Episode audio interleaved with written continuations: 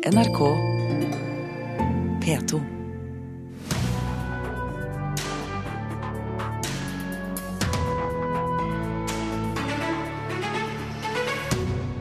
Munch-museets utstilling med verk av Bjarne Melgaard er obligatorisk undervisning for syvendeklassinger i Oslo. Flere foreldre og lærere har kontaktet museet.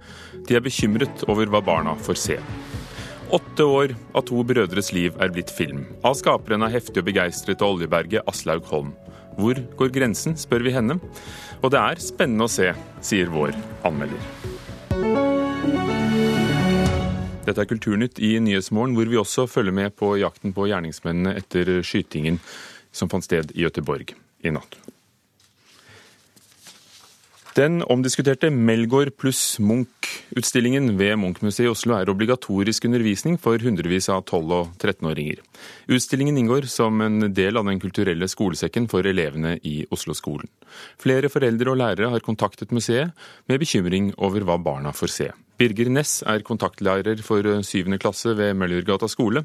Han har nektet å ta med elevene for å se Melgaards kunst. Hvis vi hadde tatt med oss foreldrene først og spurt er dette en utstilling dere vil at vi skal ta med datteren din og sønnen din på, 12-13-åringer, så er jeg nokså trygg på at det store store flertallet i den klassen jeg har ansvar for, ville sagt nei takk. Birger Ness snakker om den kontroversielle Melgaard Munch-utstillingen på Munch-museet. Han er kontaktlærer for 7. klasse på Møllergata skole i Oslo, en klasse som utelukkende består av minoritetselever. Da han fikk beskjed om å ta med seg elevene for å se Bjarne Melgaards kunst, satte han derfor foten ned av hensyn til tilliten til foreldrene. En stor del av dem har jo en øh, sterk muslimsk tro. Og det er klart, det som har med kropp og seksualitet å gjøre, er sensitivt. På tross av at utstillingen er blitt politianmeldt og flere mener den er upassende for barn og burde stenges, er den likevel en obligatorisk del av undervisningen til hundrevis av 12- og 13-åringer i Oslo. Men det er det ikke sikkert foreldrene har fått med seg, for informasjonen som ble gitt i forkant var mangelfull, mener læreren. Man spilte på Munch og lite på Melgaard. Det var ikke noe billedmateriale av hans kraftige og noen vil vel si provoserende billedspråk. Leder for foreldreutvalget for grunnopplæringen, Elisabeth Strengen Gundersen, berømmer 7.-klasselæreren for hans gode dømmekraft. Jeg forstår at dette er en lærer som har god greie på barn, og er reflektert over hva denne utstillingen innebærer. Og det er klart at Man vet jo ikke alltid hva slags erfaringer barna har med seg når de går på en utstilling, og at han faktisk er i stand til å vurdere at dette her ikke nødvendigvis er bra for de elevene han har med seg, det er veldig bra. Hun mener kontroversielle utstillinger som dette krever særlig god informasjon i forkant, og at foreldrene får muligheten til å si nei. Ja, når det blir oppfattet som kontroversielt, så bør man også kunne gi foreldrene rom for det. Det gjelder annen undervisning også. Det går på religionsundervisning, det går på samfunnsfagundervisning, hvor foreldrene har synspunkter og bør involveres i arbeidet så at de skolen og foreldre er enige om hva det er som skjer.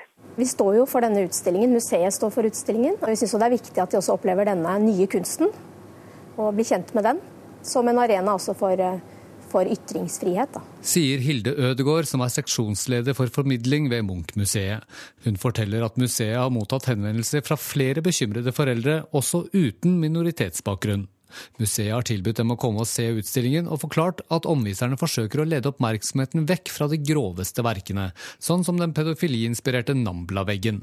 Museet har også vurdert å slå av den politianmeldte videoinstallasjonen som viser en mann som suger på en babys arm. Altså, vi prøver jo å unngå disse videoverkene. Det er vanskelig også å unngå det helt, fordi mange vil jo få med seg inntrykk av det når de går forbi. Så, så der har vi ikke full kontroll. Men vi mener jo at så lenge de er sammen med voksne som de er trygge på, og har muligheten til å diskutere det de ser der og da, så vi, kan vi stå inne for det.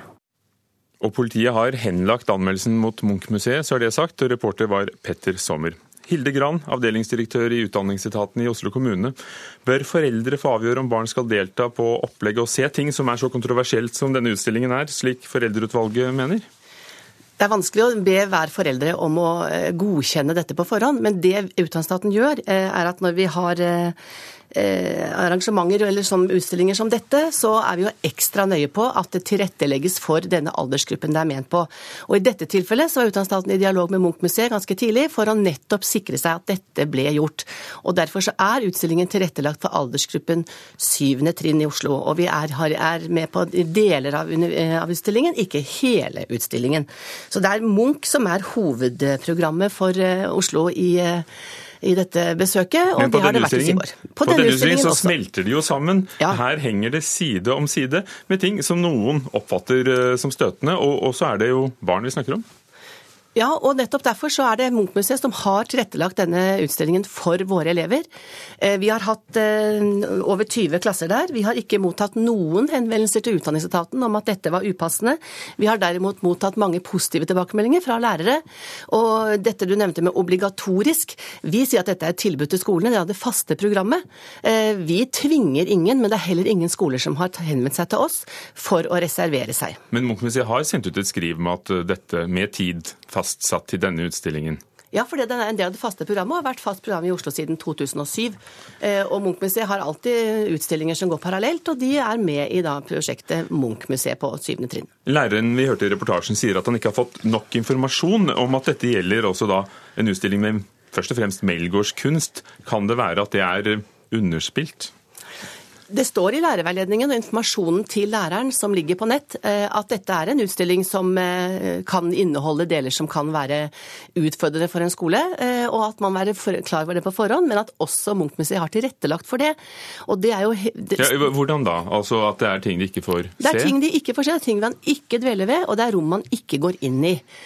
Og de tilbakemeldingene man har fått fra lærere, er på helt andre ting, som at det var for liten tid, vi skulle gjerne elevene fikk ikke ikke tid nok til å spise. Det er den slags ting vi har fått tilbakemeldinger på, og ingen for øvrig. Og heller ikke noen fra noen foreldre, og heller ikke fra noen skoleledere eller lærere.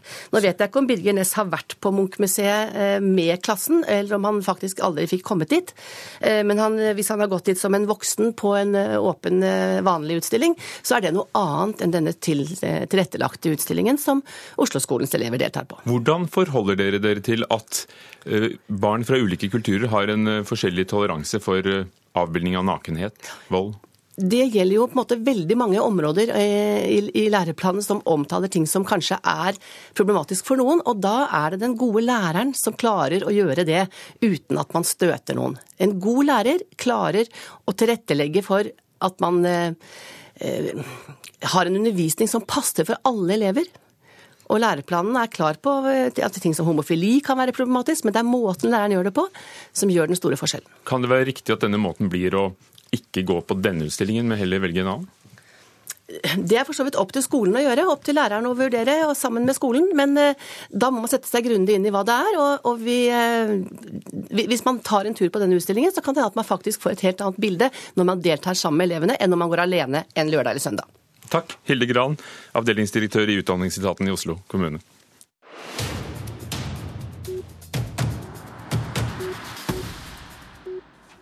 Flere av Forsvarets musikkorps er igjen truet av nedleggelse. Ved å legge ned to av dagens seks militære musikkorps kan Forsvaret spare fire millioner kroner årlig, ifølge en ny rapport fra konsulentfirmaet McKinsey. Forbundsleder Hans Ole Rian i Musikernes Fellesorganisasjon mener rapporten går på tvers av det politikerne tidligere har vedtatt, og håper Stortinget forkaster forslaget. Vederlagsbyrået Grammo tjente 59 millioner kroner på bakgrunnsmusikk i fjor, skriver Dagens Næringsliv. Det er en økning på hele 134 eh, i forhold til for ti år siden. I 2001 fikk organisasjonen lov til å kreve inn penger for musikk som blir spilt på kjøpesentre, hoteller og serveringssteder. Og de fleste av landets fylkesbiblioteksjefer tror på bedre biblioteker med større kommuner. Det kommer frem i en spørreundersøkelse Fagbladet Bok og Bibliotek har foretatt. Bakgrunnen for undersøkelsen er den varslede kommunereformen. Fylkesbiblioteksjefene tror at sammenslåinger kan fremskynde en fornyelsesprosess som bibliotekene uansett må gå igjennom. Klokken er tolv minutter over åtte, og du hører på Kulturnytt i Nyhetsmorgen, hvor det i nyhetsbildet eh, handler mye om skytingen i Gøteborg som fant sted i natt. og Politiet i Gøteborg tror disse drapene på en restaurant i går kveld har sammenheng med alvorlig gjengkriminalitet. Fortsatt er ingen av gjerningsmennene som skjøt og drepte flere mennesker blitt pågrepet av politiet. Reporter Elise Hazel Asbjørnsen, du er med oss fra åstedet i Gøteborg. Hva kan du fortelle derfra, hva vet vi? Det vi vet til nå, er at minst to av de som ble skutt nå er bekreftet døde. I tillegg så sier politiet at man ikke kan utelukke at eh, tallet på antallet døde kommer til å stige i løpet av dagen i dag. Så det er altså hardt sårede noen av dem som ligger på sykehus også. Her på plassen hvor eh, skytingen skjedde, sitter jeg på en benk sammen med Sandra Bjørk, som er 21 år. Du bor her. Eh, hvordan oppleves det? Alltså, det här var ju väntat att det här skulle hända. För det, alltså, man är ju van vid, alltså, man, man, man känner det på sig att snart händer det saker. Liksom. Det liksom, har ju varit både skottlossning och det har varit bilbränder, det har varit mord, våldtäkter och allt det här. Liksom, så att det, det är liksom väntat. Det är inte så att man, man bara, ja men nu händer det liksom. Føler du deg trygg? Nej, speciellt inte. Jag känner mig inte trygg just här. Fast jag känner det att man borde nog flytta härifrån ganska snart. Om man nu inte vill få en, altså et skott i pannen da, liksom. Med andre ord, beboerne her føler seg aldeles ikke trygge, og spesielt kanskje i dag etter at urolighetene har eskalert til det som har blitt den mest alvorlige episoden så langt i denne mulige gjengkrigen som pågår. Og Hva gjør politiet i Göteborg for å finne gjerningsmennene? De har gått fra dør til dør. De har hatt avhør i hele natt. Foreløpig holder de eh, kortene veldig tett til brystet, men eh, de opplyser at det kommer en pressekonferanse i løpet av eh, dagen, og at de har god kontroll på eh, hvem de tror kan stå bak. Takk skal du ha, Elise Hissel Asbjørnsen, vår reporter i Gøteborg. Og vi følger naturligvis saken videre i Nyhetsmorgen frem mot klokken ni her i NRK P2 og Alltid nyheter.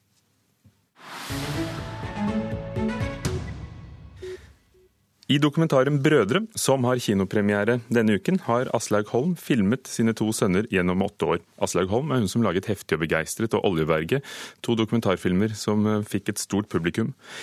Denne gangen har kameraet vært til stede i mange opprivende situasjoner for de to guttene, faren deres og ikke minst regissøren selv. Filmen var også åpningsfilm under dokumentarfilmfestivalen Eurodoc i Oslo i går kveld. Jeg er lei av filminga di. Faen meg ti år siden du starta. Så galus.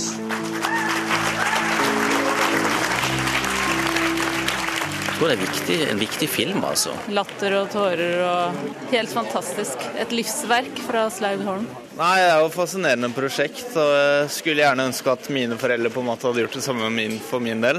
Og Spesielt så er det jo mange som har en sånn slags nostalgisk lengsel etter barndommen, som er gøy å dokumentere. da. Nå har jeg filmet meg så lenge jeg kan huske.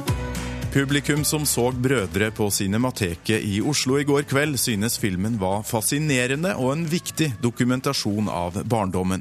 Brødre følger de to guttene Markus og Lukas gjennom nesten ti år fram til de vanskelige tenåra. Det har vært litt både ups and downs, men uh, sånn totalt så har det vært en liksom, hyggelig opplevelse. Da. Nei, jeg, jeg, orker, jeg, jeg orker ikke mer. Du kan prøve hva du vil, men Hvorfor har jeg filma i snart ti år?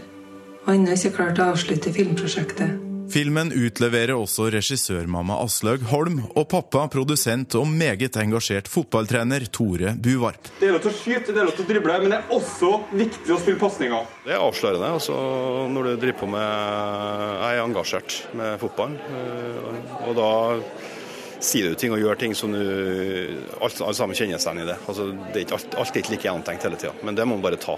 Så det må vi bare tåle. Altså. Så lager en dokumentarfilm, så må du også vise eh, noe av det som Der det er friksjon, der det er ubehagelig. Ellers så har du ikke noe historie å vise. Da.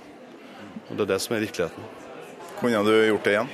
Jeg kunne ikke gjort, gjort det igjen. Hvis jeg visste hvor langt, lang tid det tok. og og hva det har krevd av eh, ja, tid og innsats, så, så har ikke vi starta på det. Men, men, når vi først har gjort det, så er jeg glad for at vi har gjort det. Vi skal ikke ha noe kjeftbruk på hverandre. Det viktigste to tingene for å lykkes i fotball. Humør og innsats.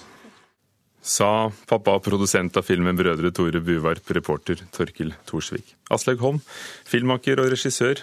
Du sier at eh, det kom et tidspunkt når du oppdaget at det mest spennende lå rett foran deg. Når var det?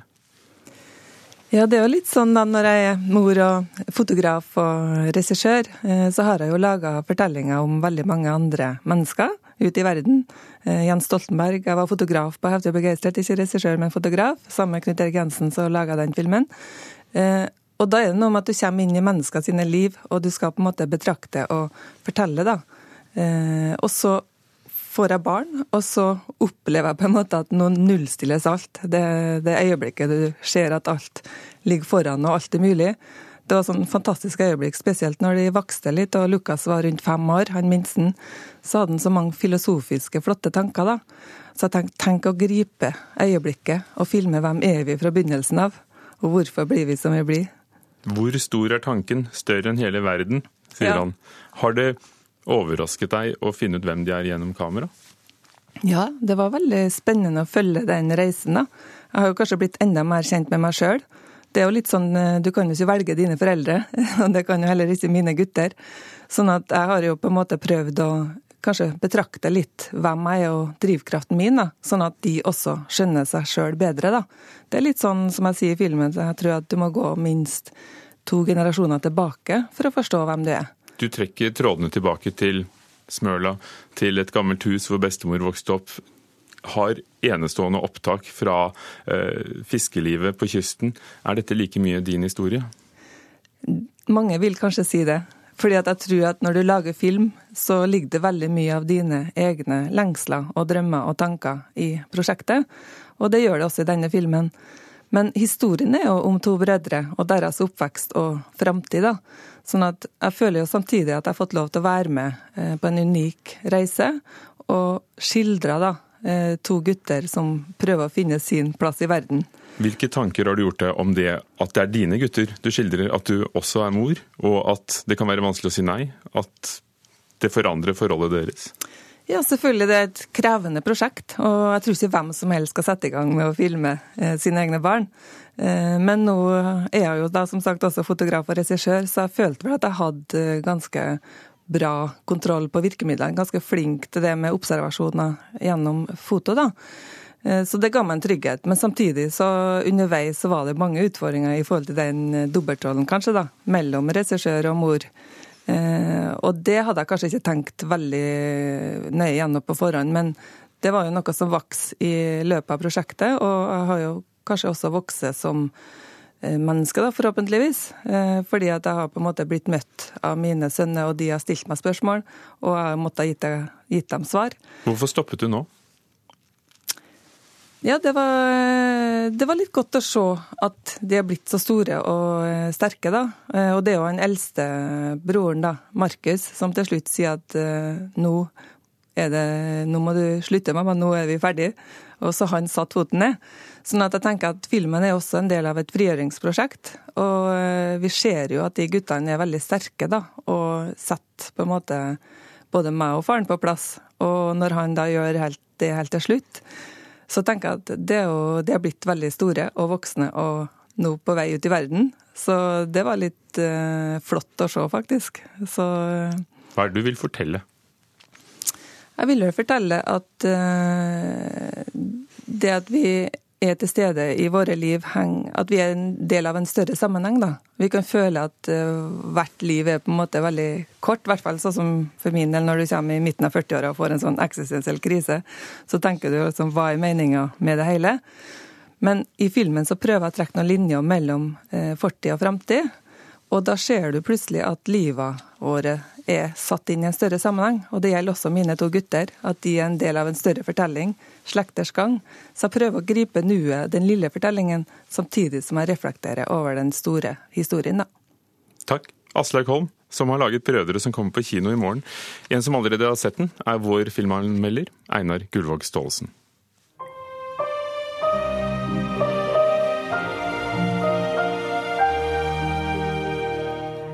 De kan ro, de to små guttene fra Sagen i Oslo. De strever ikke med årene, de ror. Den ferdigheten sier noe om hvem de er, og hvor de har røtter. De har alltid feriert på mors barndomssted Smøla. Slekten har levd på havet, av havet. Det er en del slike bilder i dokumentarfilmen Brødre som forteller mer enn de viser. Det er i feriene der ute, rundt naustene og bryggene i mammas univers, at vi blir oppdatert om guttenes utvikling. Vi ser hvordan storebror er storebror og lillebror er på vei mot jevnbyrdighet. Litt mer for hver ferie. Er det der oppe første klasse? Ja, det er litt rart. Helt der oppe? Det er i tredje etasje. Det er mor som filmer. Aslaug Holm. Hun er erfaren dokumentarist. Det er mamma som lager denne filmen. Hun har filmet meg så lenge jeg kan huske.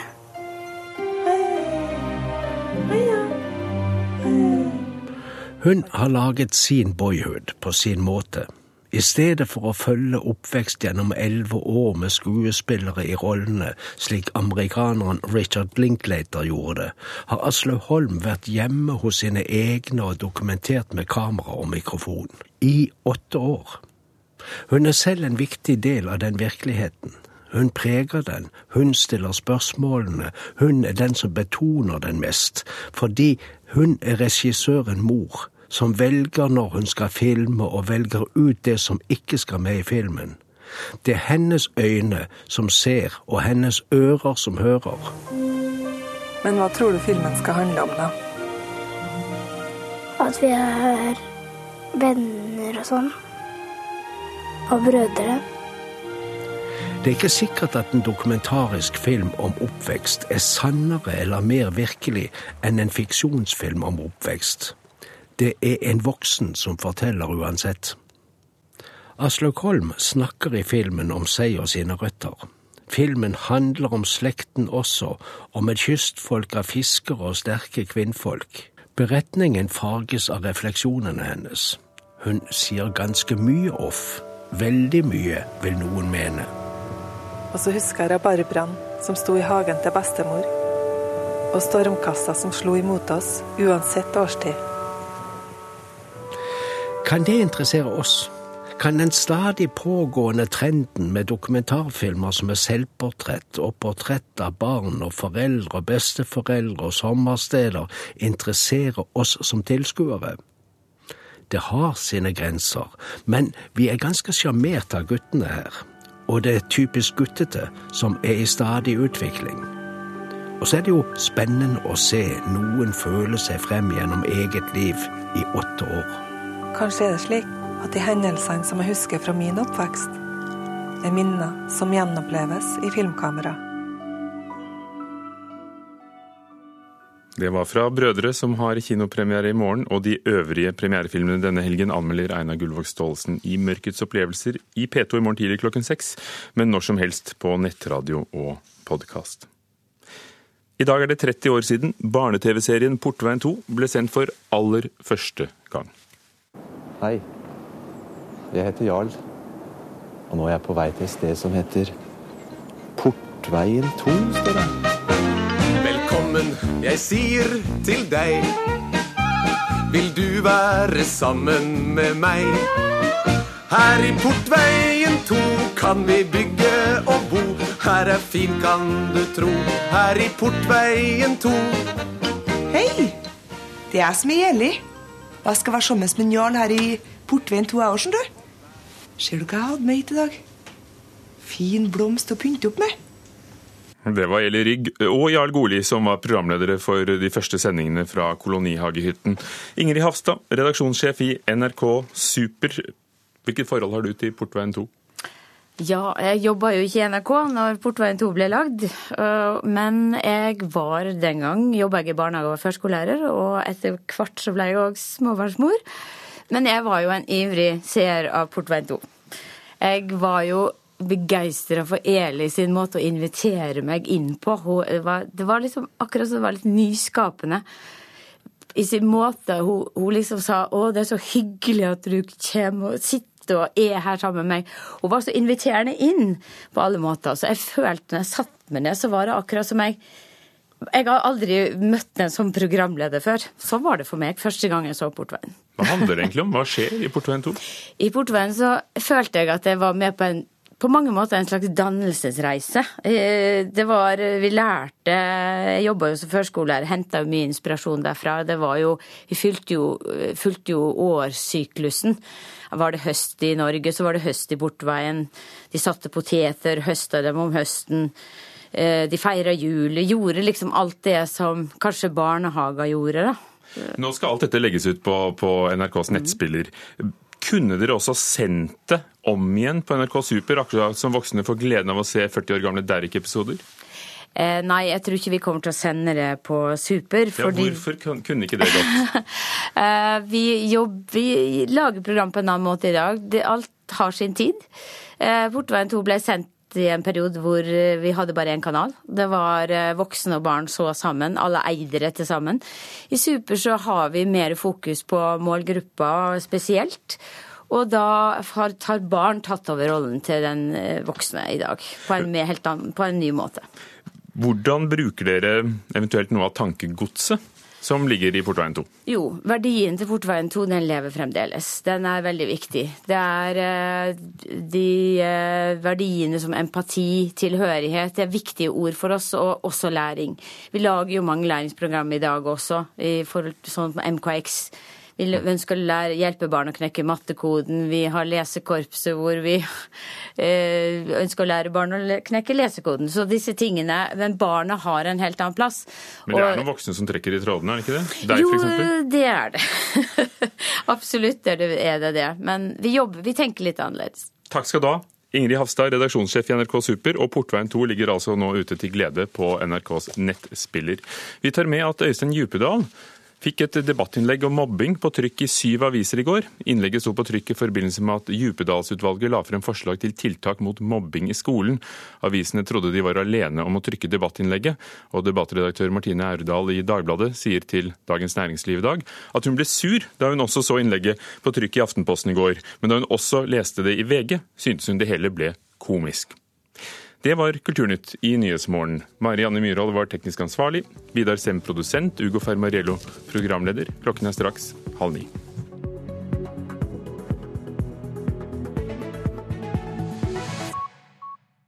Hør flere podkaster på nrk.no podkast.